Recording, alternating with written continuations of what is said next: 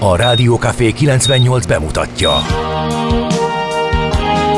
A Fekete Erdőn is túl, a város szélén, a hatos számú korteremben, egy olyan városban, ahol a vészhelyzetek mindennaposak, és bármi megtörténhet. És meg is történik.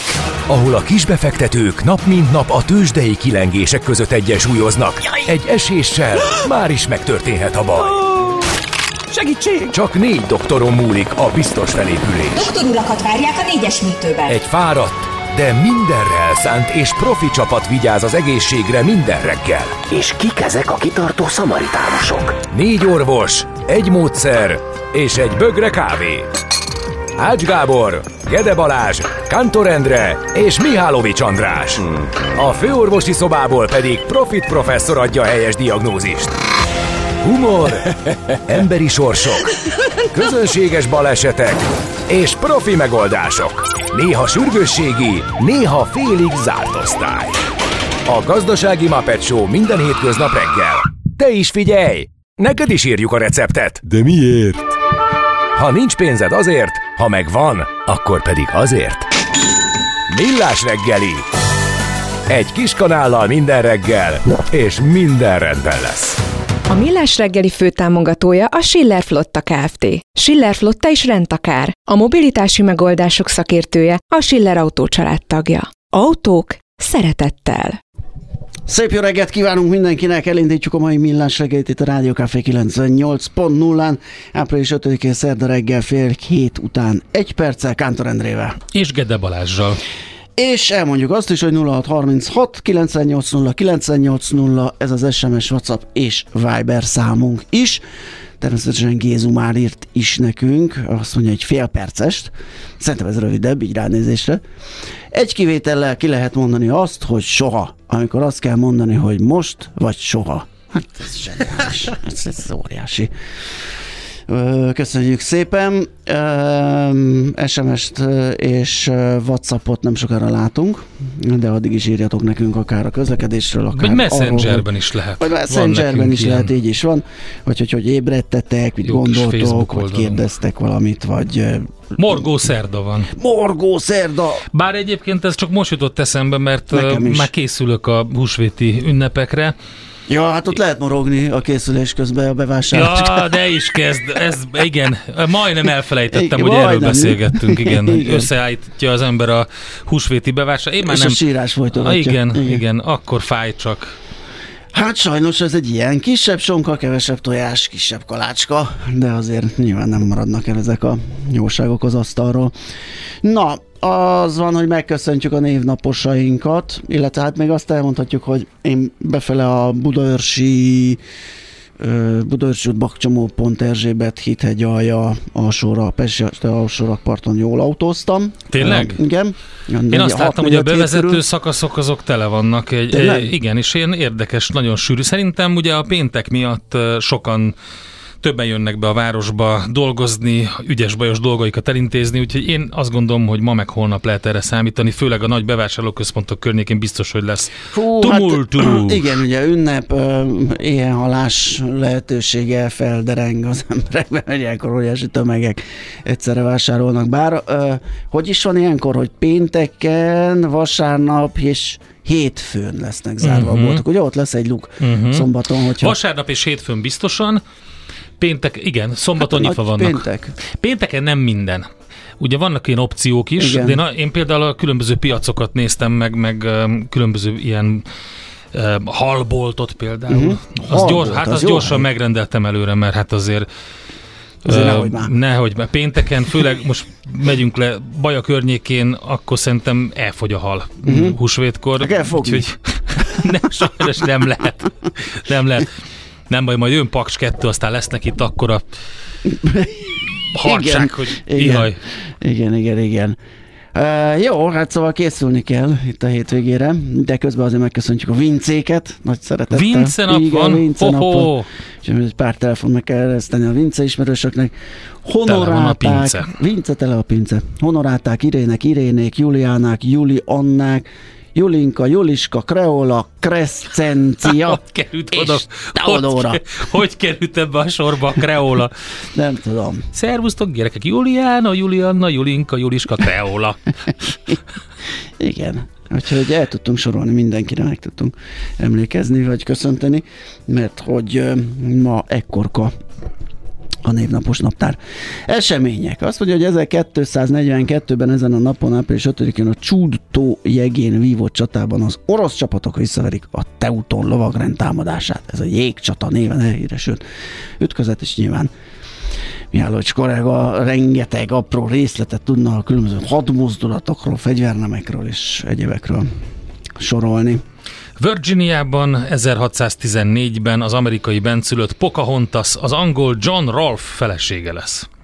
Szerencsére ott volt Walt Disney, és meg, megörökítette az egészet egy Igen. rajzfilmben. Ö, nagy sebességgel rajzolta az eseményeket, és lett belőle egy mozgófilm. 1951-ben a Rosenberg házas párt a Szovjetunió hmm. javára végzett kémkedés miatt ítélik halára az Egyesült Államokban. Igen, ott a vörös vész az pont a csúcspontjára hágott az abszolút, 50-es években. Igen. Még csak utána jött a, az egész McCarthy bizottság, ami megkeserítette rengeteg ember életét. Igen. Aztán lemondott Winston Churchill 1955-ben, Nagy-Britannia miniszterelnöke volt, és a forró drót az 63 óta van, a Fehérház és a Kreml között, akkor létesítették. Születésnaposok Spencer Tracy, kétszeres Oscar díjas amerikai színész, 1900-ban született, pontosan ezen a Nagyon napon. érdekes. Igen. Aztán... Egy csomó filmét láttam egyébként Spencer Tracy-nek, egy nagyon nagy karakter volt, egy nagyon híres filmjében kamionsofőrt alakított, egy kicsit ilyen bunyós fazon Aha. volt, fekete-fehér film, de aztán később is voltak nagyon jó filmjei. Hát alig-alig látjuk őt már a képernyőn. Aztán Herbert von Karajan, ö, osztrák karmester, 1908-ban született. Valahol azt olvastam, azt hiszem Karajanról szerintem, hogy a klasszikus zenei lemez eladások top listása hm. az általa vezérelt művek hanghordozón való értékesítésében darabszámra ez fogyott a legjobban. Tyú, micsoda színészek. Betty Davis, kétszeres Oscar díjas amerikai színésznő 1908-ban, hát őt kb. annyiszor látjuk, mint Spencer Tracy-t a filmvászton. Jó lenne egyébként, régen volt az a Turner Classic Movies, ami azt hiszem uh-huh. régen TNT volt, aztán TCM lett belőle, és zseniális filmek mentek végig. Um, Én pont tegnap a, a párommal beszélgettünk a Filmmúzeum uh-huh. nevű csatornáról, ahol az egyik kedvenc részem volt, amikor nem nem filmet vetítettek, hanem nem tudom, emlékszel. Nap, reklámokat? Nem, napközben ilyen amatőr 8 mm-es ja, filmek mentek. Mint a Fortepán, csak uh, filmesített így verzió. Van, igen, van, ilyen nagyon jó kis csill- csilles zene igen. ment alatt, és igen. csak láttál ilyen, hát beleláttál a múltba, a, emberek, a DJ Mutha csinálta a zenéjét. Na, hát az, az nagyon jó volt, az nagyon kellett hozzá, az tök jó volt hallgatni, és tök érdekes volt nézni. DJ hogy, MT. Hogy, hogy értek emberek, meg, meg, meg egyáltalán igen, az tényleg nagyon jó volt. Igen, igen, ez klassz volt. Örkény István Kossuth Díjas magyar író, drámaíró, 1912-ben született, hát zseniális, az egypercesei nagyon sokáig a táskámban voltak, bármikor elő lehetett rántani, és hát mostanában is néha elolvasok egyet, amik, hát hogy is mondjam, teljesen rímelnek 2023-ra, amiket írt. Gregory Peck 1916, ban született ezen a napon, aztán kitemeljünk még ki. Hát figyelj, mindenképpen Brodit. Őt mindenképpen Tátrai Tibort is, Brody János 1946-ban született, Kossuth és Liszt Ferenc Díjas, vagy énekes, gitáros, zeneszerző, szövegíró. Hát a jó koncertet tartott Brody János legutóbb, és hát szintén csak azt tudom mondani, hogy ugyanúgy, mint amikor Konz Zsuzsát megköszöntöttük, hogy hát van egy pár szám, amit ők még annak idején az átkosban írtak, Igen. és egy az egybe Nagyon átültethető 2023-ra, hogy, Igen. hogy nem. Igen, így van. Aztán Tátrai Tibor 52 beszületett, szintén Kossuth és Liszt díjas magyar rockgitáros zeneszerző, érdemes művész. mi volt a levegőben? Um, ilyenkor, hát nem, nem tudom, ez, a, ez az április 5-e, jött, igen, jött a tavasz. Nagyon Várj, sokan, de, igen, nagyon de, sokan szültek. Akkor szült, szültek, de akkor előtte viszont valahol július, ja, hát a nagy nyári tengerparti, nagy nyári tengerparton vakációzás, meg volt a romantika, és ja, értjük, ennyi igen. híres és fantasztikus ember született április 5-én. Itt van például Agneta. Fal, Falkskog, Falkskog, svéd énekesnő, az Abba együttes tagja. Ő az egyik a, az Abbából. Aztán ki van Parakovács Imre, író, újságíró, rádiós műsorvezető 65-ös születésű. És hát itt még egy jó vízilabdázó, Bíros Péter, 76-os, háromszoros olimpiai bajnok, és Szente Vajk magyar színész is ma ünnepel, 81-es.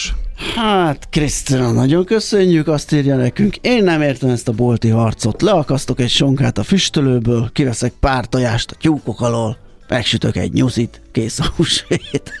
Mit kell ezt túlbonyolítani? Akinek van ilyen automatája, hát, annak, nem, igen, annak ilyen, nem gond. Ilyen húsvéti cuccokat adagoló szerkezet, ja. Azt mondja, hogy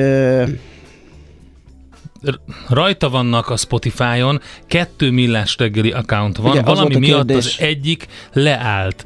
Van egy másik, tessék megkeresni Millás reggeli, a gazdasági Muppet Show Spotify-on, meg fogjátok találni, az egyik frissül, a másik nem, fogalmunk sincs, hogy miért, én már mindent ki meg bekapcsoltam annak idején, az egyik tényleg megállt február 15 Megválni meg valahogy nehéz az ekantól, ugye?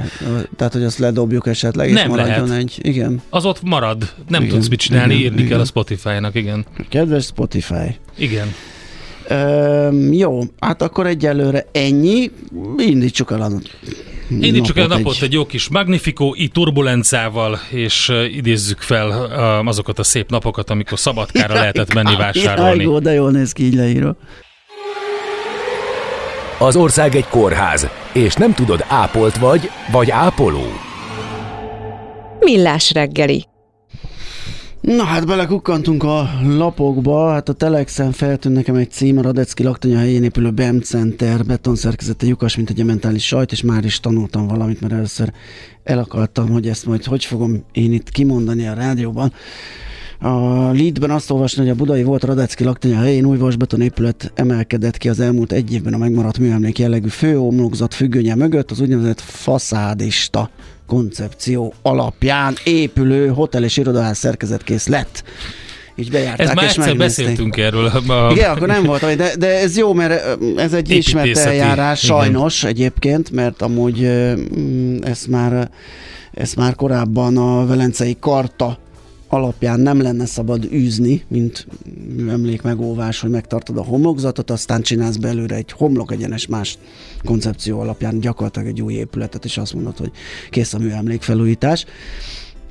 Ezt takarja ez a kifejezés, és uh, arról szól ugye, hogy van ott az a beton tömb, ami kinőtt, és ezt járták be a Telex újságírói. Uh, nagy port kavart ugye 2020-ban a BEM téri volt Radecki laktanya, a későbbi MDF székház bontása nyomon követték a, követte a vitát a lap, majd utolsó pillanatban sikerült bejutni a félig lebontott épületbe is, hogy megörökítsék a nagymúltú ház utolsó napjait. Így kezdődik, és úgy folytatódik, ami a címben is látszik, hogy egy kicsit összeellős a betonszerkezet, úgyhogy ezt lehet olvasgatni a telexen. Jó sok fotóval van illusztrálva egyébként, lehet nézegetni a, az építkezést és a, a munkákat, ahogy halad.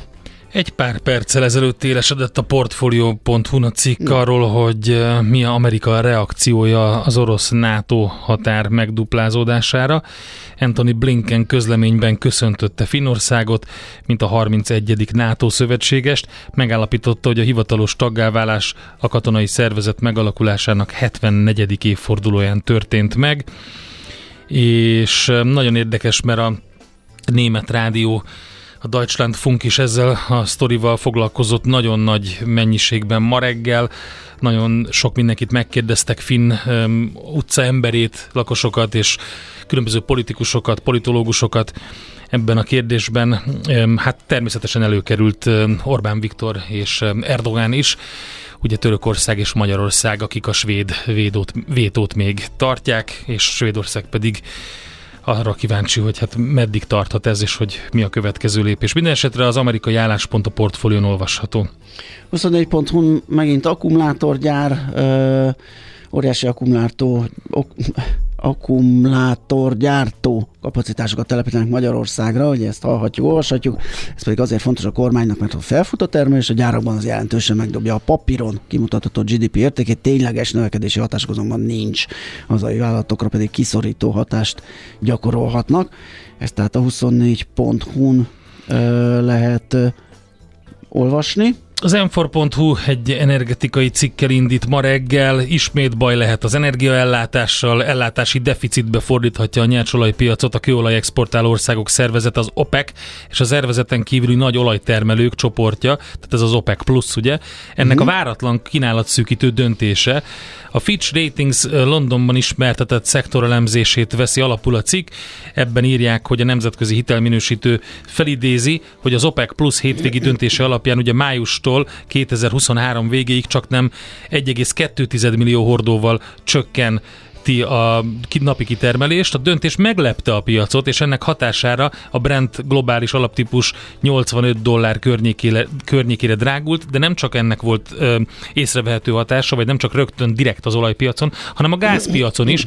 A gáz ára visszaugrott arra az értékre, ami a korábbi esés előtt volt, úgyhogy nyugodtan megköszönhetjük az OPEC-nek, főleg, hogyha most kell megint a következő beszerzésekről dönteni, és hogy ezt milyen áron ütjük le. Igen, hát a szaudiak berezeltek ugye itt a bankválság vagy bank Szaudiak foglalkozzanak a megújulóval, meg egy csomó mindennel, amire elkezdtek koncentrálni. Kicsit, kicsit ilyen, ilyen áttételes módon, hogy azt mondták bankválság, szigorodó hitelezés, mm-hmm. a szigorodó hitelezés az gazdasági növekedés csökkenés, tehát kevesebb olajhasználat, puf, húzzuk meg a gyeplőt, hogy az ár az nekik megfelelő legyen.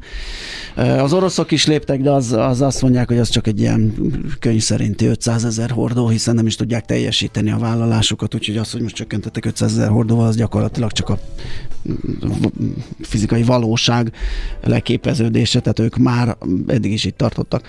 A Grindexet nézegetem, és ott a arról lehet olvasni, hogy ugye a fenntarthatóságnak van néhány olyan szerete, amely kivétel nélkül mindenkire hat, vagy érint, ilyen a közlekedés is. A súlyát jól mutatja, hogy az Európai Unió teljes széndiokszid kibocsátásának majdnem 30%-át adja. Úgyhogy készült egy interjú Weingartner Balázsjal, a Humda Magyar Mobilitás Fejlesztési Ügynökség ZRT elnök vezérigazgatójával, ez olvasható tehát a Grindexen tisztáznak egy csomó fogalmat, mi az a zöld mobilitás, szó van a zöld busz programról, meg egy csomó minden, ami a közlekedés zöldítéséről szól, tehát a Grindexen. Fú, még egy érdekes cikket gyorsan besuvasztok ide a portfólióról, példátlan valutaroham, eurós megtakarítások, devizába menekül a magyar lakosság. Ugye már bemutatták a részvények példáján, hogy milyen erős akadályok állnak a devizabefektetések elterjedése előtt a magyar pénzügyi szolgáltatóknál, egy Bolyár Gáborral készült interjúban. Most pedig azt nézték meg, hogy ahol viszont tud, ott javában zajlik az euróizáció a lakossági megtakarításoknál. A 2022-es forint gyengülés példátlan átrendeződést hozott a devizaeszközök javára, és mm. ábrákon keresztül mutatják be, hogy a folyamat hogy zajlott. Jó, Úgyhogy hát szerintem ez. jó sok lapot átnéztünk, javasoltunk, úgyhogy jöhet megint egy zene. Aztán utána megnézzük a tőzsdék, hogy szerepeltek tegnap. Hol zárt? Hol nyit? Mi a sztori? Mit mutat a csárt? Piacok, árfolyamok, forgalom a világ vezető parketjein és Budapesten. A tőzsdei helyzetkép támogatója, a hazai tőzsde gyorsan növekvő nemzetközi informatikai szolgáltatója, a Gloster Infokommunikációs Enyerté. Hát az volt a Budapest értéktősdén tegnap, hogy egy méreteset emelkedett, másfél százalékkal no. nőtt az index, 675 pontos plusz, 43.666 pontos záróérték, minden jó volt, minden szép volt, minden a legnagyobb rendben volt. Dehogy is. Nem? 7,5 milliárd volt a forgalom, mondjuk az azért annyira nem túl acélos, de egy ilyen alulról... Szerintem le vannak maradva egy nappal. az lehet, igen. Majdnem minden vezető részvényünk abból a rengetegből emelkedni tudott, hogy a négy vezetőből egy nem. A Telekom az lemaradó volt, négy forinttal visszaesett az árfolyama, 400 forintra. miközben a MOL például közel 3%-kal tudott emelkedni 2678 forintra, az OTP 95 forinttal 10.215 forintra nőtt, a Richter pedig 1,8%-kal 7635 forintra emelkedett, ez 1,8%-os többlet. Hát most vagy ezért, vagy, vagy az nem nagyon épült be az árba, de úgy látszik nem mozgatta meg a befektetők fantáziáját, hogy egy méretes részvényvisszavásárlási programot hirdetett a gyógyszergyár. Mondom, lehet, hogy ez az 1,8 ne annak köszönhető, mert alapvetően nincs jó bőrben mostanában a papír, de lehet, hogy azt mondták, hogy jó, de nézzük majd meg, hogy azért a vállalkozási eredmények hogy alakulnak. Az x azt mondja, hogy a Cyberg tudott közel 5%-kal emelkedni, mint egy 427 darabos 18 ezeres forgalomban. A Gloster az 20 forintot esett, a napenyerté is 20 forintot esett, és majdnem százalékosan ugyanannyi ez az elmozgulás a két papír esetében. Nagyobbat csúszott lefelé az Astra Sun, mert hogy ott egy 5,5 százalékos esés volt. Hát izgalmas volt az amerikai piacokon a nap, mert ugye volt ez az OPEC plusz döntés a váratlan kitermelés csökkentésről, ezután az olajárak kilőttek, hát ez ugye potenciális fenyegetést jelentett a jegybankok infláció elleni küzdelmére, úgyhogy pont az a, ami a bankpánik, oko, tehát visszacsap ez a Igen. hullám. Ugye onnan indul az egész, hogy a magas kamatok, és hogy satúban vannak a, a központi bankok, bankpánik, olajkartel döntés, majd ez visszahat. Na mindegy, az a lényeg, hogy nem volt egyértelmű az irány, a technológiai részvények gyengélkedtek, az európai piacokon túltették magukat az olajárak felpattanásán, Európában volt egy kis emelkedés az elején, a magyar tőzsde is jól teljesített egyébként, de Amerikában tovább bizonytalankodtak, és így alakult ki egy mínusz a tőzsdéken. A vezető mutatók 0,6 százalék, tehát ilyen fél százalék körüli szinten estek a Dow Jones, az S&P és a Nasdaq is. Érdekes, hogyha megnézzük a sort a legaktívabb papírok között, a Tesla vezeti a sort, ez nem annyira izgalmas, viszont az utána következő három papír igen. A Tesla 1%-os minusszal zárt tegnap, de volumenben irgalmatlan nagy kereskedés zajlott az AI, az AMC és a Cardilitics részvényeivel. Most az AI-nál ott volt egy majdnem 30%-os bukó, ugyanis kiderült, hogy ott valószínűleg könyvelési csalás van. Oh. Ennél a cégnél, hát az így, de egy ilyen, egy ilyen 30% az elég szép. Az AMC-nél nem tudom pontosan mi történt, ott kiadtak valami új guidance-t a harmadik negyed évre, de ugye az EMC az egyik olyan részvény, amit a redites kereskedők rohamoznak meg mindig, az volt az egyik ilyen kiemelt, ott is 23%-os mínusz volt. A Cardilitics viszont egy nagyon érdekes dolog, megnéztem, hogy milyen sajtóközlemények jelentek meg, és miért emelkedett 71 milliós forgalomban 80 százalékkal rész. 80 százalékkal. lenni. A negyedik, az amerikai Benékig. tőzsdén a negyedik forgalmú papír volt, és kézed, de nincsen új press release, Semmi. Semmi. Szépen lassan emelkedik, az elmúlt 5 napban 140 százalékkal, úgyhogy utána kell nézni, mi a csuda ez a Cardilitics. A Bank of America hát van utánuk, 2 százalékos minusszal, a short a legnagyobb volumennél az Apple zárja 0,3 százalékos mínusz volt, az Amazon egyébként másfél százalékkal emelkedett, úgyhogy így volt az amerikai kereskedés tegnap. Tőzsdei helyzetkép hangzott el a Millás reggeliben. Csitott Szoller Andi, szia, jó reggelt! Jó reggelt! Ő az Oscar díj kiosztóra ilyen Abszolút. öltözött, de... Igen. Ti velem foglalkoztok, én meg azzal, amit mondtok. Ja, Nagyon jó. Igen. Hát egyébként ebben ezért jobbak a nők. Aha mint a férfiak. Teljesen igazad van. Ezért is. A férfiak csak a is. Maslow piramisnak így az alapjain motoszkálnak valahol, tehát így De... nem tudnak följutni oda, ahova kéne. Én épp felírtam, amit mondtál, hogy, hogy mi, utána nézek én is ennek a részvénynek. Na, hát az nagyon jó. Hát ilyen ilyenek voltak, hogy, Be. Hát, hogy van benne még 150 Kineveztek egy új pénzügyi igazgatót, megjelent a um, első negyedéves jelentés. Az szokott azért ilyet Hát azért ez elég Mennyi erős. nominálisan az árfolyam? Mennyi a Mennyi az árfolyam? Azt mondja, hogy cent, akkor azért van egy olyan gyanú. 6 dollár 20. Az még az a kategória, igen, hogy az lehet, hogy megúsztuk című emelkedés, és megtörölték a befektetők a homlokokat. Figyelj, ránézzünk egy hosszabb um, grafikonra, és akkor majd mindjárt kiderül, hogy egyáltalán hogy Jó. áll az a Azt viszont nem most lesz, mert nincs időnk. Addig hadd beszéljek én, igen. Így van, igen. Beszélj te addig, így van. Utána mi visszajövünk. A mai világban könnyen félrevezetnek a csoda doktorok és a hihetetlen megoldások. Az eredmény? Hája pocim marad, a fej még mindig tar, a profit meg az ablakban. De már is segítenek a legjobb orvosok. Doktor megelégedés, doktor higgadság, doktor vidámság és doktor nyugalom. Doktor úr, ennek össze-visszaver a GDP-je, a pulcosa meg egy csökkenő gyertya. Két végéről égette. Ezt visszakalapáljuk, és olyan hozamgörbénk lesz, amilyet még dr. Alonso Mózdi sem látott. Millás reggeli. A gazdasági Muppet Show. Figyelem! Fogyasztása függőséget okoz. A Millás reggeli főtámogatója a Schiller Flotta Kft. Schiller Flotta is rendtakár. A mobilitási megoldások szakértője a Schiller Autó tagja. Autók szeretettel.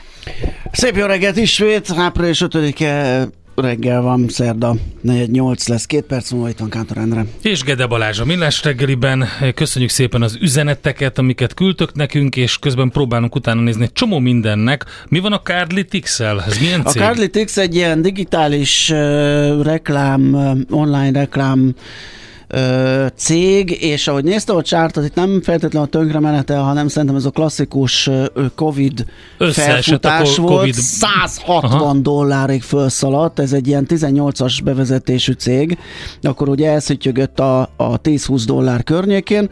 19-ben megindult ő magától is, de a Covid rátehetett, mert ö, 21 februárjában érte el a csúcsát, az egész 20 végig rallizta, de onnan aztán megfeküdt, és leesett ide a... Igen, és a, akkor lehet, hogy most össze összeszedi magát. A két és Van egy jó guidance igen, a negyedéves jelentésnél. Igen, tehát a bevétel az első negyed évre jelentősen megemelte a bevételi kilátásait, az EBITDA-ját kisebb veszteségről fog beszámolni, a várt 10-17 millió dollár helyett csak 5-8 millió lesz, és az EBITDA-nak a növekedésének az egyik része egy egyszeri 3,5 milliós költség vagy megtakarítási uh-huh tétel, úgyhogy ez így összeadódott, és azt gondolták, hogy a három vagy két és fél dollár helyett már ér a hat és felett is a cég. Úgyhogy hát majd meglátjuk, hogy kitart innen, innen a mély pontból ugye nagyokat tudnak szökkenni. Igen, igen. De nagyon árak. nagy volt a volumen is, tehát ez volt az érdekes, hogy nem csak egy nagy emelkedést lehetett látni kis forgalomban, hanem irgalmatlan forgalom. Odáig nem jutottam, hogy azt is ki lehet nyomozni, hogy mekkora a sortállomány egy-egy papírban, uh-huh. tudom képzelni, hogy nagyon nyomták a papírt, és a sortosoknak a visszavásárlása is hajthatta ezt az óriási nagy emelkedést. Én évelején kerül, keveredtem egy ilyenbe az ihanggal, ezzel az emberes, embert szállító sofőr nélküli igen. drón céggel. Drón igen. igen, ott volt egy óriási ilyen megugrás, ami egyszerre sortzárással, meg az érdeklődés fokozódásával járt, úgyhogy ilyeneket tudnak vagy ilyen nagy megugrásokat tudnak produkálni ezek a, ezek a sztorik. Közben posztoltunk a Millás reggeli Twitter oldalára, mert olyan is van, és rácsodálkoztam, mert nem láttam tényleg, még csak szerda van, hogy miért van kutyuska a madárka helyett, és kiderült, hogy hát már megint Elon Musk vadult, ugye ezt a Shiba Inu kutyát kirakta, Igen. ami a Dogecoinnak, a, vagy Dogecoinnak, nem tudom, hogy divatosan hogy kell kiejteni, a Twitter logót lecserélte, így aztán 30%-kal rakétázott a Dogecoin vagy Dogecoin árfolyama. Képzeld el arra, hogy lecserélte a Twitteren. Aha, őrület. Őrület, na mindegy. Dóra kérte, hogy törzshallgatónk Vince, az ő fia, 10 éves, kéri, hogy kivételesen a mai morgószerda ne legyen morgós, mégiscsak név. Nem, nem, nem, tudtunk morogni. Csak eszünkbe jutott, hogy morgószerda lenne, de semmilyen morgás nem jutott eszünkbe úgyhogy ö, ö, nem volt. És egy másik érdekes, ma vagyok 58, írja egy kedves hallgató, nagyon boldog születésnapot kívánunk neked. Kiszámoltam, hogy már több mint a fele életemben hallgatlak benneteket, további sikereket itt régi új helyen. Tehát ez gyakorlatilag a, a kezdetektől, a, ugye Igen. Fehér Zoli 89 vagy 90-ben kezdte a ez korábban, igen, 89 a körül kezdte a forintos perceket. Forintos perceket, hogy utána, nagyon régi törzsalgatóról Igen, 2000-től uh, estefemen Ugye és csak így jön ki a matek, ugye ha 58 és több mint az élete felét velünk töltötte, velünk idézőjebe, tehát a kezdetektől, akkor az csak úgy jön ki, hogy már az elején a forintos percek hallgatója volt. Na, mi pedig lépünk tovább, mert fontos híreink vannak a fővárosból. Egyre nagyobb buborékban élünk, de milyen szép és színes ez a buborék. Budapest, Budapest, te csodás! Hírek, információk, események, érdekességek a fővárosból és környékéről.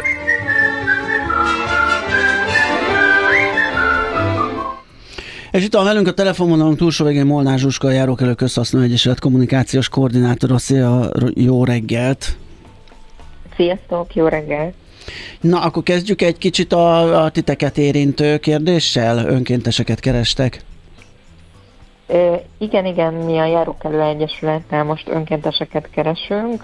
Ugye mi egy közterületi hibabejelentő oldalként ö, üzemelünk, talán innen ismernek bennünket leginkább a hallgatók is, de ezen kívül van egy koncepció, amit népszerűsítünk, ez az egészséges utcák, ez egy, ez egy angliai koncepció, Lucy Sanders hozta létre ezt a, ezt a koncepciót, és tulajdonképpen ez arról szól, hogy mitől egészséges egy utca, milyen kritériumoknak kell teljesülniük ahhoz, hogy egészséges legyen, és különböző rendezvényeken egyrészt a járókelő munkáját, másrészt az egészséges utcák koncepciót szoktuk népszerűsíteni, úgyhogy most ehhez keresünk önkénteseket, akik ebben a segítségünkre lennének, és a Facebook oldalunkon lehet találni felhívásokat, aki szeretne erre jelentkezni, az az önkéntes kukat járókelő.hu címre írhat nekünk, illetve a Facebook oldalunkon meg mit, lehet Mit kell csinálniuk? Csak nagyon röviden. Vannak különböző anyagaink, nyomtatott anyagaink, Aha. amiket ilyenkor oda szoktunk adni azoknak, akik a különböző rendezvényeken, kitelepüléseken uh-huh. részt vesznek, és beszélgetni szoktunk a résztvevőkkel erről a kérdésről, hogy szerintük mitől egészséges Aha. egy utca, az ő utcájuk hogy néz ki, tehát a különböző játékaink is vannak, és azokat az önkénteseinket, akik részt szoktak venni ilyen rendezvényeken őket, nekik egy rövid képzésük is van, tehát hogy értelemszerűen elmondjuk nekik azokat a dolgokat, amiről nekik beszélgetniük kell ezeken az eseményeken. Nagyon jó. Okay. Április 29-én jár le a jelentkezési határidő, és egyébként önkéntes kukacjárókelő.hu címre lehet elküldeni az önéletrajzokat. Nézzük akkor, hogy kerékpárosan szép az élet, de a Margit hídon folyamatosan bejelentések érkeznek. Már 2021 óta erősen ráférne a tavaszi megújulásra kerékpárútra. Igen, szerintem már itt nálatok is nagyon sokszor beszélgettünk arról, hogy a Margit hídon a ö, kerékpárút az elég rossz állapotban van. Ö, gyakorlatilag minden, minden évben többször kapunk jelzéseket ezzel kapcsolatban legutoljára, ami egy ilyen fejlemény volt, hogy 2022. februárjában, ami ugye most már több mint egy éve volt, akkor jelezték, hogy a taktilis jelzéseket felszették, és ugye állandóan foszlik ez a, ez a eredetileg vörös burkolat, ami most már nagyon megkopott, úgyhogy már nem is annyira vörös a színe, mint ilyen elég, elég koszos színe van. Szóval, hogy ezek, ez, ez a burkolat ez foszladozik, és akkor ezeket a foszló darabokat elvitték, de ezen kívül nem nagyon látjuk, hogy bármit történne, úgyhogy folyamatosan továbbra is érkeznek a jelzések, ez egy ilyen visszatérő probléma, és mindig azt kapjuk válaszként a Budapest közúttól, hogy felvették a javítási listájukra, hát sajnos nem tudjuk, hogy mennyire hosszú ez a lista, és hogy mikor érkeznek el oda, hogy ezt a ezt a szakaszt megújítsák. Sajnos ez most már évek óta talán nincs túl jó állapotban. Mint ahogy a Dózsa György úti régi mosdó sem, ugye gyakorlatilag egy ilyen pusztulat, szemetes gödör lett belőle, hogy így a képet nézem, bedobálnak ágakat, hulladékokat, rozsdásodik a korlát körülötte, szóval egy ilyen nagyon rossz mm, állapotú valami, az ott kéne vele kezdeni valamit. Igen, ugye ez a Dózsa György út és a, a Damjanics utca sarkán van ez a egykor nyilvános mosdó, eh, ahogy a Városliget felé haladnak az emberek, ott van egy gyalogátkelőhely, és annak a gyalogátkelőhely mellett van ott a, a sarkon, ezt biztos sokan látták már. Azért is hoztam ezt a problémát, mert szerintem ez nem egy egyedi probléma, tehát ugye itt a volt nyilvános mosdó kapcsán jeleztek, hogy, hogy itt ugye ez körbe van kerítve egy korláttal, de bármit be lehet dobálni, és hát be is dobálnak az emberek, úgyhogy ez egy ilyen nagyon szemetes, nagyon rossz állapotban lévő valami, amire azért nem annyira jó ránézni, és, és szerintem ez nem egy egyedülálló probléma itt a, itt a Városliget környékén sem, meg úgy általában a városban sem, tehát hogy sajnos nagyon sok ilyen régi mosdó van, és ez is egy, ugye egy visszatérő téma, hogy ezekkel a mosdókkal nagyon jó lenne kezdeni valamit, nagyon jó lenne, hogyha lenne több nyilvános mosdó a, a városban, illetve ha ezekkel valami történne, akár csak annyi, hogy valahogy megoldanák azt, hogy ne legyenek szemetesek, hogy ne legyenek ennyire rossz állapotúak, tehát valahogy valahogy védenék ezeket a területeket valamilyen módon. Igen, ez egy régi probléma, hogy kevés a uh, nyilvánosan elérhető mosdó, pont, pont ezért, ahogy mondod, jó lenne rendben tartani, védeni. Na nézzük akkor ezt a Puskás Aréna, Paplászló Sportaréna, meccsek, rendezvények, helyszíne, környéke, de ugye elég sok látogatót vonz, hát én is már tapasztaltam többször, hogy sokan autóval érkeznek, ilyenkor elképesztő tumultus alakul ki, mert nem találnak parkolóhelyet, ráállnak minden zöld területre, zöld felületre, mindenhova. Igen, és itt egy anonim bejelentő jelezte is ezt a problémát, hogy hogy zöld területekre ráparkolnak az autók, kapubejárókba beállnak, tehát hogy a helyiek, vagy tehát akik a környéken laknak, ők nem tudnak közlekedni, nem tudnak kiállni, nem tudnak parkolni a házaik elé, és itt egy Hát egy kisebb fajta vita alakult ki itt a 14. kerületi zuglói önkormányzatnak a rendészete között és a bejelentők között, mert mm, bocsánat, csak megnyitom itt a jelzéseket, szóval, hogy a, a rendészet azt állítja itt egy március 16-ai labdarúgó mérkőzés kapcsán, hogy egy elég nagy szakasz, Tököli út, Hungária körút, Stefánia út, Ifjúság útja, Dózsa György út által határolt terület, ez le volt zárva, hogy a Gizella út konkrétan az, amiről beszélgetnek, hogy oda nem lehetett behajtani gépjárművel, és itt a válaszban azt is megkaptuk, hogy 78 közterület felügyelő intézkedett a környéken. Most ezzel szemben a bejelentő azt állítja, hogy szerint ez, ez, ez nem igaz, mert hogy konkrétan ők ott laknak, és a Gizella út nem volt lezárva, ők terelték, helyi lakosok terelték a forgalmat, hát itt várjuk a fejleményeket, erre még nem beleszólt a rendészet, szóval itt, itt egy, egy vita folyik erről, hogy hogy, hát igen. hogy pontosan mi történt a helyszínen. Biztos, hogy mind a két oldalon van igazság, az ott lakóknak nagyon kellemetlen lehet, amikor nagyon sokan érkeznek oda, azt megértem, lehet, hogy egy kicsit néha eltúlzónak ér, érzi ezt a, ezt a szituációt, hát jó, érdemes lesz megvizsgálni, meg hát nyilván meg kéne oldani ezt a helyzetet, mert gyakorlatilag megállni, Igen. meg közlekedni se lehet normálisan, amikor van valami meccs vagy esemény.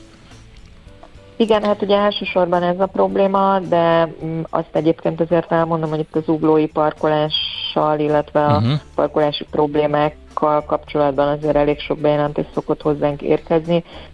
Nyilván az is egy kérdés, hogy a rendészet, nem tudom, kiküldi a közterületfelügyelőket, ők ott a helyszínen hogyan funkcionálnak, tehát lehet, hogy ebben is lehet eltérés, hogy papíron mi történik és mi történik a gyakorlatban, de szerintem erről itt lesz egy párbeszéd, és akkor ez ki fog derülni, és én is azt gondolom, hogy nyilvánvalóan mind a két oldalonban igazság, de hát a, ugye itt az lenne a lényeg, hogy, hogy összehangolódjanak ezek Igen. a dolgok, és ugye a helyi lakosok is elégedettek tudjanak lenni.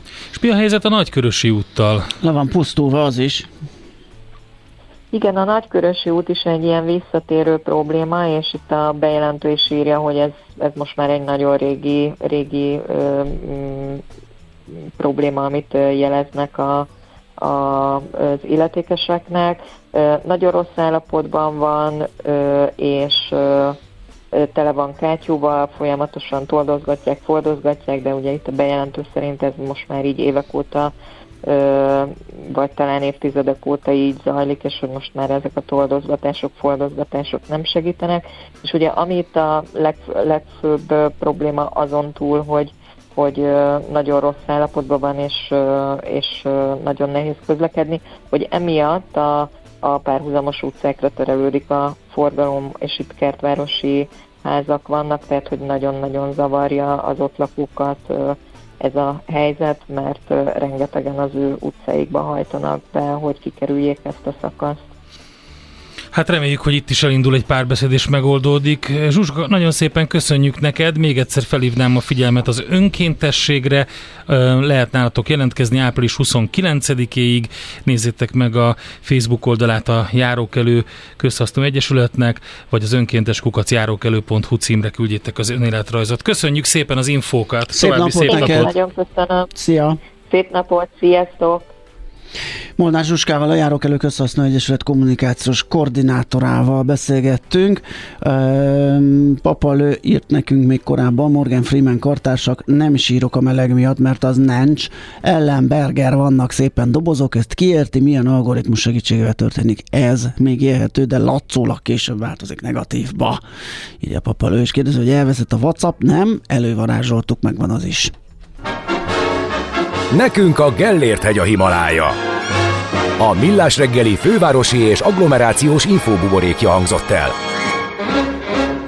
Na, egy nagyon jó um, sorozatnak az utolsó részéhez értem, nem az utolsó, a harmadik évad utolsó részéhez. Public Service várom. Broadcasting. Aha, az lesz a következő, ne. mert hogy van ez a For All Mankind, ezt mindenkinek javaslom, zseniális szerintem, egy alternatív történetet mesél el onnantól kezdve, hogy 69-ben nem az amerikaiak lépnek először a holdra, Aha. hanem az oroszok. Opa. És hogy hogyan alakul az űrverseny és az egész fejlődés.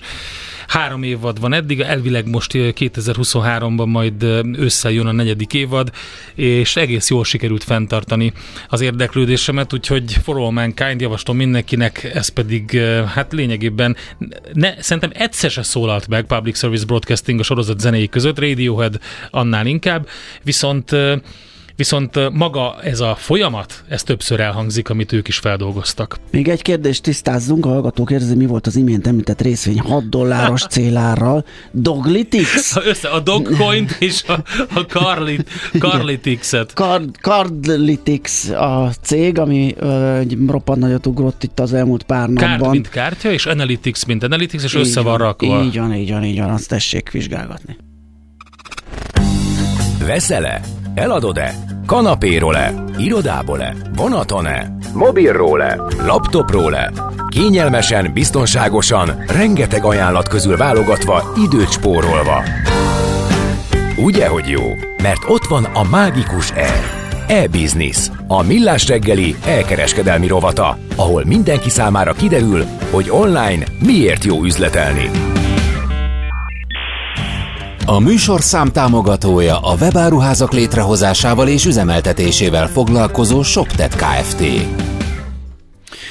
Hát kérem szépen megnézzük, hogy milyen bőrben van ez az e-business, vagyis hogy mi történt a Covid óta. Ugye hát azt már sokszor beszélgettünk róla, meg mindenki tapasztalta, hogy a Covid miatt bezáródtunk, az online tér az meg fölrobban gyakorlatilag. Nagyon sok webáruház, online platform, mindenféle született aztán egy picit az, ott, ott csökkent a lelkesedés, de hogy most hol tartunk, vagy mi a helyzet, az dr. Ornos Zoltánnal, az e-commerce Hungary alelnökével, a kisvállalati tagozat vezetőjével fogjuk átnézni. Jó reggelt kívánunk! Jó reggelt kívánok, köszöntöm a hallgatókat. Nos, hát ott volt egy nagy menet, ugye a, a Covid tulajdonképpen segítette ezeket a digitalizációs folyamatokat, ezt az átállást, felgyorsította sok esetben, de mi van most az, azután, a, azután a robbanás után? Most ho, hogyan áll az e-business? Igen, ugye azt szoktuk mondani, hogy a, a COVID alatti ö, növekedés, ami ugye egy, azért egy az intézkedéseknek betudható növekedés volt, tehát hogyha egyszerűen zár van egy üzlet, akkor ha neten be lehet szerezni egy árut, akkor természetes, hogy még olyanok is beszerzik ezt, aki amúgy lement volna a boltba, vagy soha az életében nem vett elkereskedelemben terméket, az is ott vásárol. Ez egy pár évnyi növekedés gyakorlatilag előrehozott az elkereskedelemben, tehát most nem is csoda, hogyha egy pici stagnálás van. Ugye ez is érdekes, hogy forintban még növekedett az elkereskedelem tavaly is, az idei számok idei hónapokban is. Volumenben viszont már némi visszaesés tapasztalható, de hát azt tegyük hozzá, hogy a tavaly december, vagy tavaly előtti december, illetve a tavaly januárhoz hasonlított adatoknál ott azért még talán nem is emlékszünk rá, de még mindig voltak járványügyi intézkedések, tehát még mindig olyan hónapokhoz hasonlítjuk most a, az idei január és a tavaly december, ami még egy korábbi járványügyi intézkedéssel érintett hónap, tehát nem is csoda, hogy egy kicsit visszarendeződés van. Igen, pontosan, ez uh-huh. mindennel így van. De azt gondolom, hogy itt mindenki, mindenki tanult egy nagyot. A vállalkozók is, a fogyasztók, a fogyasztók a használatát, a vállalkozók ennek a létrehozását, üzemeltetését, úgyhogy biztos, hogy ez jótékonyan hatott erre a, ezekre a folyamatokra. Abszolút, hiszen nagyon sokan, akiknek csak fizikai üzlethelyiséges, tehát boltos értékesítési, hagyományos kereskedelmi hálózataik vannak, vagy boltjék, csak egy boltja, még azok is nyitottak ilyenkor valamit, tehát hogy neten rendelhető, vagy legalább telefonon rendelhető, aztán majd fölépíti a webshopot, tehát olyanok is beléptek a piacra, akik csak tervezték, vagy egyáltalán nem is tervezték, kényszerűségből megtették, és aki pedig két laki játékot vitt, tehát volt elektronikus kereskedelmi webáruházas formája is, illetve volt üzlete, az pedig értelemszerűen felerősítette az elkereskedelmi ágazatot. Mi van a lemaradókkal? Mert most egy, egy, ez, ez a nagy beindulás, ez a nagy robbanás, gondolom még inkább felhívta a figyelmet arra, aki még hezitál, hogy, hogy ez már egy visszafordíthatatlan trend, és erre muszáj ráülni és csatlakozni. Igen, hát azért azok, akik a tisztán üzlethelyiséges forgalomnál maradnak, biztos, hogy középtávon azért visszaeséssel kell számolniuk, tehát mindenképpen arra van ítélve mindenki, hogy ha más nem hibrid modellben dolgozon, tehát legyen boltja is, legyen honlapja is, webáruháza, és ezen folytassa, tehát biztos, hogy ez a jövő. Egyébként ennek az egésznek, ennek a felfutásnak van több vonzata is, például az, hogy az online megvásárolt árukat valahogy el kell juttatni a fogyasztókhoz. Ebben is láttunk egy felfutást. Igen, abszolút, tehát a, a, a futárszolgálatok is nagyon megnövekedett forgalommal számolnak be, különösen mondjuk az ünnepi időszakokban, vagy nagyobb ilyen kampányok idején, mint mondjuk a Black Friday, de a újfajta módozatok is jelentek meg, hiszen ö, környezetvédelmi szempontból is, és hát természetesen költség oldalon is, mind a vevők számára, mind a futárszolgált és végsősorban a weberás számára egy költség kímélő megoldás a csomagautomata, amelyek száma látványosan nőtt a tavalyi évben. Igen, egy kicsit a csomagautomata az autó kasszához hasonlít, amikor ugye minden szempontból olcsóbb megoldás az, hogy, hogy maga a fogyasztó intézi el, a, ő megy el a termékért, de közelebb. Ezt a nagyon pontszerűséget össze tudja húzni ugye ezekre a hát meg logisztikailag is. Igen. Így van, igen. logisztikailag főleg, igen. Mi az, ami hát még egy... Fogyasztó, bocsánat. Parancsoljon. Nem csak annyit akartam mondani, hogy fogyasztók is szeretik, tehát nem csak a Persze. futárok, hiszen pont amit, amit mondhatok, hogy, hogy összehúzzák egy helyre, és ő, inti, ő dönti el, hogy mikor megy le a csomag. Igen, tehát ez egy tipikusan tehát. ilyen win-win megoldás, hogy jól jár vele az ügyfél, és jól jár a, a logisztika, a fuvar szerve, vagy a, igen, a a fuvarszolgáltató is, úgyhogy ez, ez, ez igen jó, és látható is ugye a telepítéseken, hogy most már mindenhol, tehát szupermarketek parkolóitól kezdve egészen lehetetlen helyeken vannak már ilyen boxok, csomagautomaták. Igen, és még, még van Hollandia, Dánia példákat tudunk hozni, ahol természetesen ez azért pénzügyileg is egy komolyabb beruházás, de hogy lemennek egészen a társasházak lépcsőház szintjéig az automatákkal, tehát azok már ezek a nem ezek a brutális kültéri, Aha. nagyon felerősített automaták, azok ilyen vékonyabb, lemezes, olcsóbb megoldások, mert ugye védett helyen Igen. vannak, de hogy ennyire, ennyire bemennek már az otthonainkig szinte az automaták, és az már tényleg kényelmes a lépcsőházba kikapom fölfele menet a, a cuccot. Abszolút. Mik most milyen irányok vannak? Tehát ez, ez ugye ez gyakorlatilag egy meglévő, vagy már egy nyugaton jobban elterjedt trendhez tudtunk felzárkózni, hogyha itt a hazai online teret vizsgáljuk, de mi, mi, mi lehet a következő fejlődési irány? Az látszik-e? Igen, hát amit ugye vizsgálni kell, az mindig ugye a teljes kiskereskedelmen belüli részesedése az elektronikus Aha. kiskereskedelemnek, tehát ez a szám, ez jelenleg egy ilyen 11-12 százalék környékén mozog Magyarországon, ez egy óriási változás, még a működésünk kezdete elején ezek ilyen 1-2 százalékos számok voltak, ugye a szövetség, amikor indult tizenvalahány éve, ez most 12,5, de van hova fejlődni, hiszen mondjuk egy fejlettebb piacokon ez 20-25 százalék, de vannak kínai régiók, ilyen agglomerációs nagyvárosi régiók, ahol 50%-a az, a kiskereskedelemnek az elektronikus formában történik, tehát van hova még fejlődni, ebben biztos, hogy van még ö, fejlődés.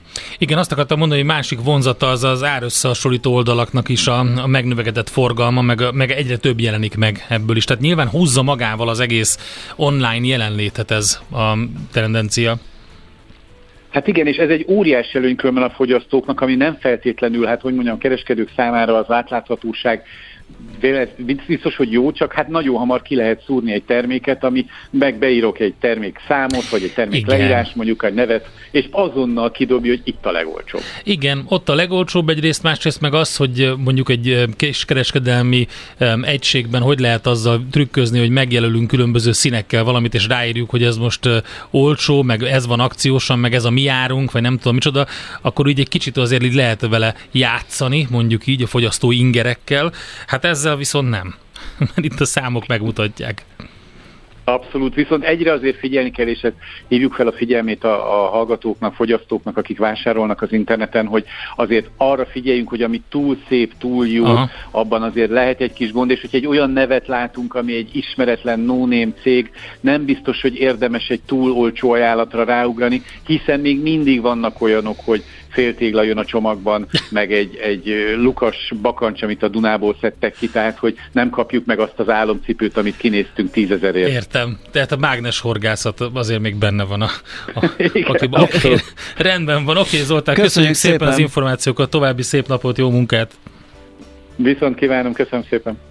Dr. Ormor Zoltánnal beszélgettünk, bocs, az e-commerce Hungary alelnökével, a kisvállalati tagozat vezetőjével.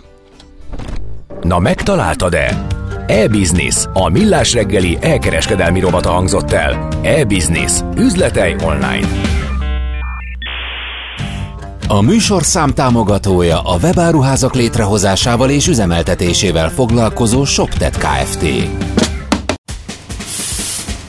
Egy erős kávét kérnék. Na és milyen legyen, kicsi vagy közepes? Hát semmi esetre sem nagy. Mert nem a méret a lényeg, hanem a vállalkozó szellem. A Millás reggeli KKV rovata következik. Nyolc év után megújul a Magyar Reklámatikai Kódex, úgyhogy erről fogunk beszélgetni, azt fogjuk megnézni, hogy milyen változások vannak benne, vagy mi ez a felfrissülés. Fülöp Szilviával, a Magyar Reklámszövetség főtitkárával tesszük ezt. Jó reggelt kívánunk! Jó reggelt, szervusz! Jó reggelt kívánok én is mindenkinek! Na, hát mi történt, hogy hozzá kellett nyúlni a Magyar Reklámetikai Kódexhez?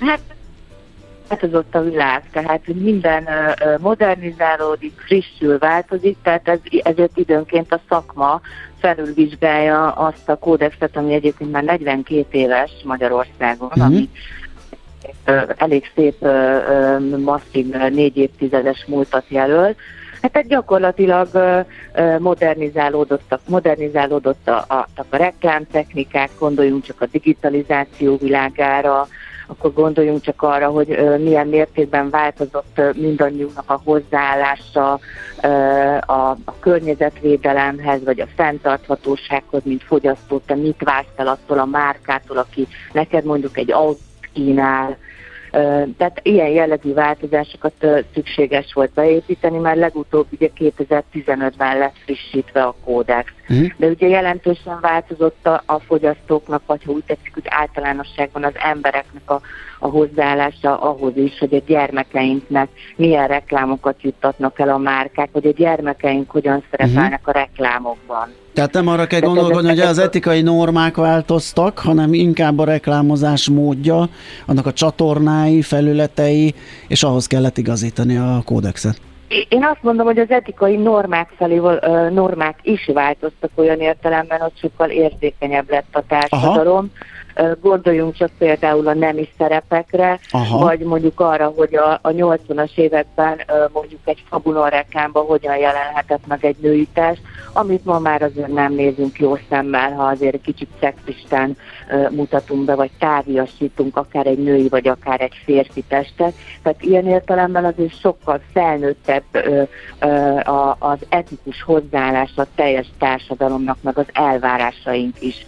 És ez szükségeltette, hogy átgondoljuk, újraértelmezzük a kódexet egy nagyon széles szakmai körben, ami azt jelenti, hogy ez egy tényleg két éves masszív munka volt, a majdnem 26 szövetség véleményét figyelembe véve, és azt összedolgozva, azt is figyelembe véve, hogy milyen jogszabályok vannak érvényben, amelyek ugye a reklámokra vonatkoznak, mert maga a kódex az ezeket egészíti ki, uh-huh. és ö, sok esetben sokkal szigorúbb, mint a vonatkozó mondjuk reklámtörvény, vagy a, a fogyasztókat védő tisztességtelen kereskedelmi gyakorlatról szóló törvény. Igen, olvastam, hogy ez nagy munka lehetett, 30-szor üléseztek körülbelül ebben az időszakban? Uh, én egész pontosan megnéztem, visszanéztem a naptáramban, és 34-szer. Az igen. Ezek zöm egyébként online ülés volt, mert még a Covid időszakában kezdtük el az egyeztetéseket a kodifikációs bizottsággal, ugye jogászok bevonásával, és azért ezek az ülések úgy néztek ki, hogy a, a négy-ötféle módosítási javaslat, ami arra a pasztusra érkezett, azt így uh, megnéztük, mellé a jogszabályok, és ezek ilyen másfél-két órás nagyon hosszú ülések voltak, sokszor egy cikkel sem végeztünk. Hát azt látom, hogy például ez a környezetvédelmi, meg fenntartatossági rész, ez teljes körű átdolgozáson na, esett na, át. Például ez, így van, na, például egy környezetvédelmi részt, hogy említed, ott is egy érdekességet mondok, hogy a technológiai fejlődést is ugye bele kellett építeni, mert ma már az önvezető autók, vagy az ilyen vezetőasszisztensi szolgáltatások reklámja az ugye elég masszívan benne van az autóreklámokban, és ezért nagyon fontos, hogy az ne legyen semmiképp megtévesztő, uh-huh. hogy mhm. egy ilyen uh, vezetőasszisztensi rendszer a sofőrnek a tudást vagy a figyelmét Hú, egy kicsit szakadozol, hogyha meg tudod igazítani a telefon. Most esetleg jó? Jó, jobb, jobb, igen. És azt látom, Na, hogy a kör... igen, igen, abszolút az autóreklám, hogy nehogy megtévesztő legyen, és akkor nehogy olyan romborgend is jelenet legyen, hogy mindenki hátrament az autóban kávézni egyet, vagy koktélozni, és ne, az nem, az nem robotpilóta volt, ugye? Igen. Na mindegy, szóval, hogy az alkoholos italoknak a reklámja, ez is nagyon érdekes, mert hogy van egy csomó olyan, hogy nincsen alkoholtartalma, alkoholmentes az ital, de alkoholtartalma számú ital márka nevét viseli. Így van, ez is egy jelentős kiegészítés a, a reklámatikai kódexben, mert erre vonatkozó szabályozás törvényileg sem nagyon van. Mi viszont beemeltük a reklámatikai kódexbe a, a Szeszes Italok Sörgyártók Szövetségének a, a segítségével. Gyakorlatilag azt jelenti, hogy nem alkoholos, de alkoholos terméknek a bárka nevét viselő ital reklámjára is vonatkoznak a, az alkoholos reklámokra vonatkozó kvázi tilalmak. Mondjuk mondok a gyermekvédelemmel kapcsolatos példát erre, tehát törekednie kell a, a reklámozónak arra, ha egy nem alkoholos ö, italát ö, reklámozza, akkor mindenképpen olyan média felületen keresztül tegye, ahol ö, igazoltan 70% alatt van a vagy 70% alatt van a, a gyermekek médiafogyasztása, tehát nem ér el fiatalkorút, vagy kiskorút de, de nem célozhat, tehát a, a, a digitális esetében ugye könnyebb a, az életkor szerinti célzás, ott például kifejezetten tiltja, hogy kiskorúakat, tehát 18 év alattiakat célozzon, mint az ilyen reklámokban sem szerepelthető 18 év alatti személy, tehát kiskorú. Hát az biztos, hogy ezt szépen át lehet nézni. A Reklámszövetség oldalán gondolom megtalálható az átdolgozott kódex, és akkor mindenki elmerülhet Így benne. Van, meg az önszabályozó reklámtestület oldalán is, és gyakorlatilag így június 30-ától, ha esetleg bárki fogyasztónak panasza van, már ez alapján vizsgáljuk a reklámokat. Azt azért így hozzá, hogy, hogy a, a, a, azt látjuk, hogy a reklám és gyakorlatában, főleg az elmúlt évtizedben nagyon szépen beépült a, a, a kódexnek a figyelme, tehát odafigyelnek rá a reklámozók, ezt érzékeljük abból is, hogy kevesebb a fogyasztói, tehát a ritkulnak a fogyasztói panaszok, uh-huh. uh, amit én örömmel mondhatok, tehát azt gondolom, hogy egy, egyre etikusabbak a reklámok, egyre etikusabbak a, re, etikusabbak a reklámozók is, tehát erre uh-huh. törekednek. Mi is igyekszünk. Úgyhogy mindenkinek, mindenkinek csak etikus reklámozást okay. kívánok, mind a, a hirdetőknek, mind pedig a fogyasztóknak, hogy csak olyan reklámokat lássanak, ami nem üti ki náluk a biztosítékot. Oké, okay, Szilvia, nagyon köszönjük, köszönjük hogy beszélgettünk, szépen. szép napot Jó kívánunk. szépen, viszont hallásra. Vissza. Fülöp Szilviával, a Magyar Reklámszövetség főtitkárával váltottunk pár szót. A Kopasz úrnak kész a kávéja. Mert a lényeg a vállalkozó szellem. A Millás reggeli KKV rovata hangzott el. És itt van megint Szoller Andi. Hello, hello. Most ez meglep. Engem nem lepett meg. Engem Olyan sem. vehemenciával törtél be az ajtón, hogy ja, szerintem brutál fontos híreid vannak. Nem meglepődni. Nagyon. Úgyhogy uh, ezeket meghallgatjuk. Meg ma, ott maradt? Jó. Jaj, hát nem vagyok én olyan erős. Tok? Ja, az ajtó. Az ajtó. ajtó nem téptem ki. A mi ajtó. Jó van, akkor ennek örülünk. Na hát akkor Czoller jön a hírekkel, utána mi visszajövünk, folytatjuk a millás reggelit, és abban is egy folytatás a HR szemüvegen át megvalósuló vállalkozás, vagy vállalkozói iskolánk folytatódik bizony Annak küldött nekünk egy videót. Tényleg? Szerintem a farkas van rajta. Azt mondja, hogy éjfélkor sétált át előtte a hidegkúti út elején az ebrán, majd az erdő fele vette az irányt. Na, megnézzük, de most erre nincs idő, hírek jönnek.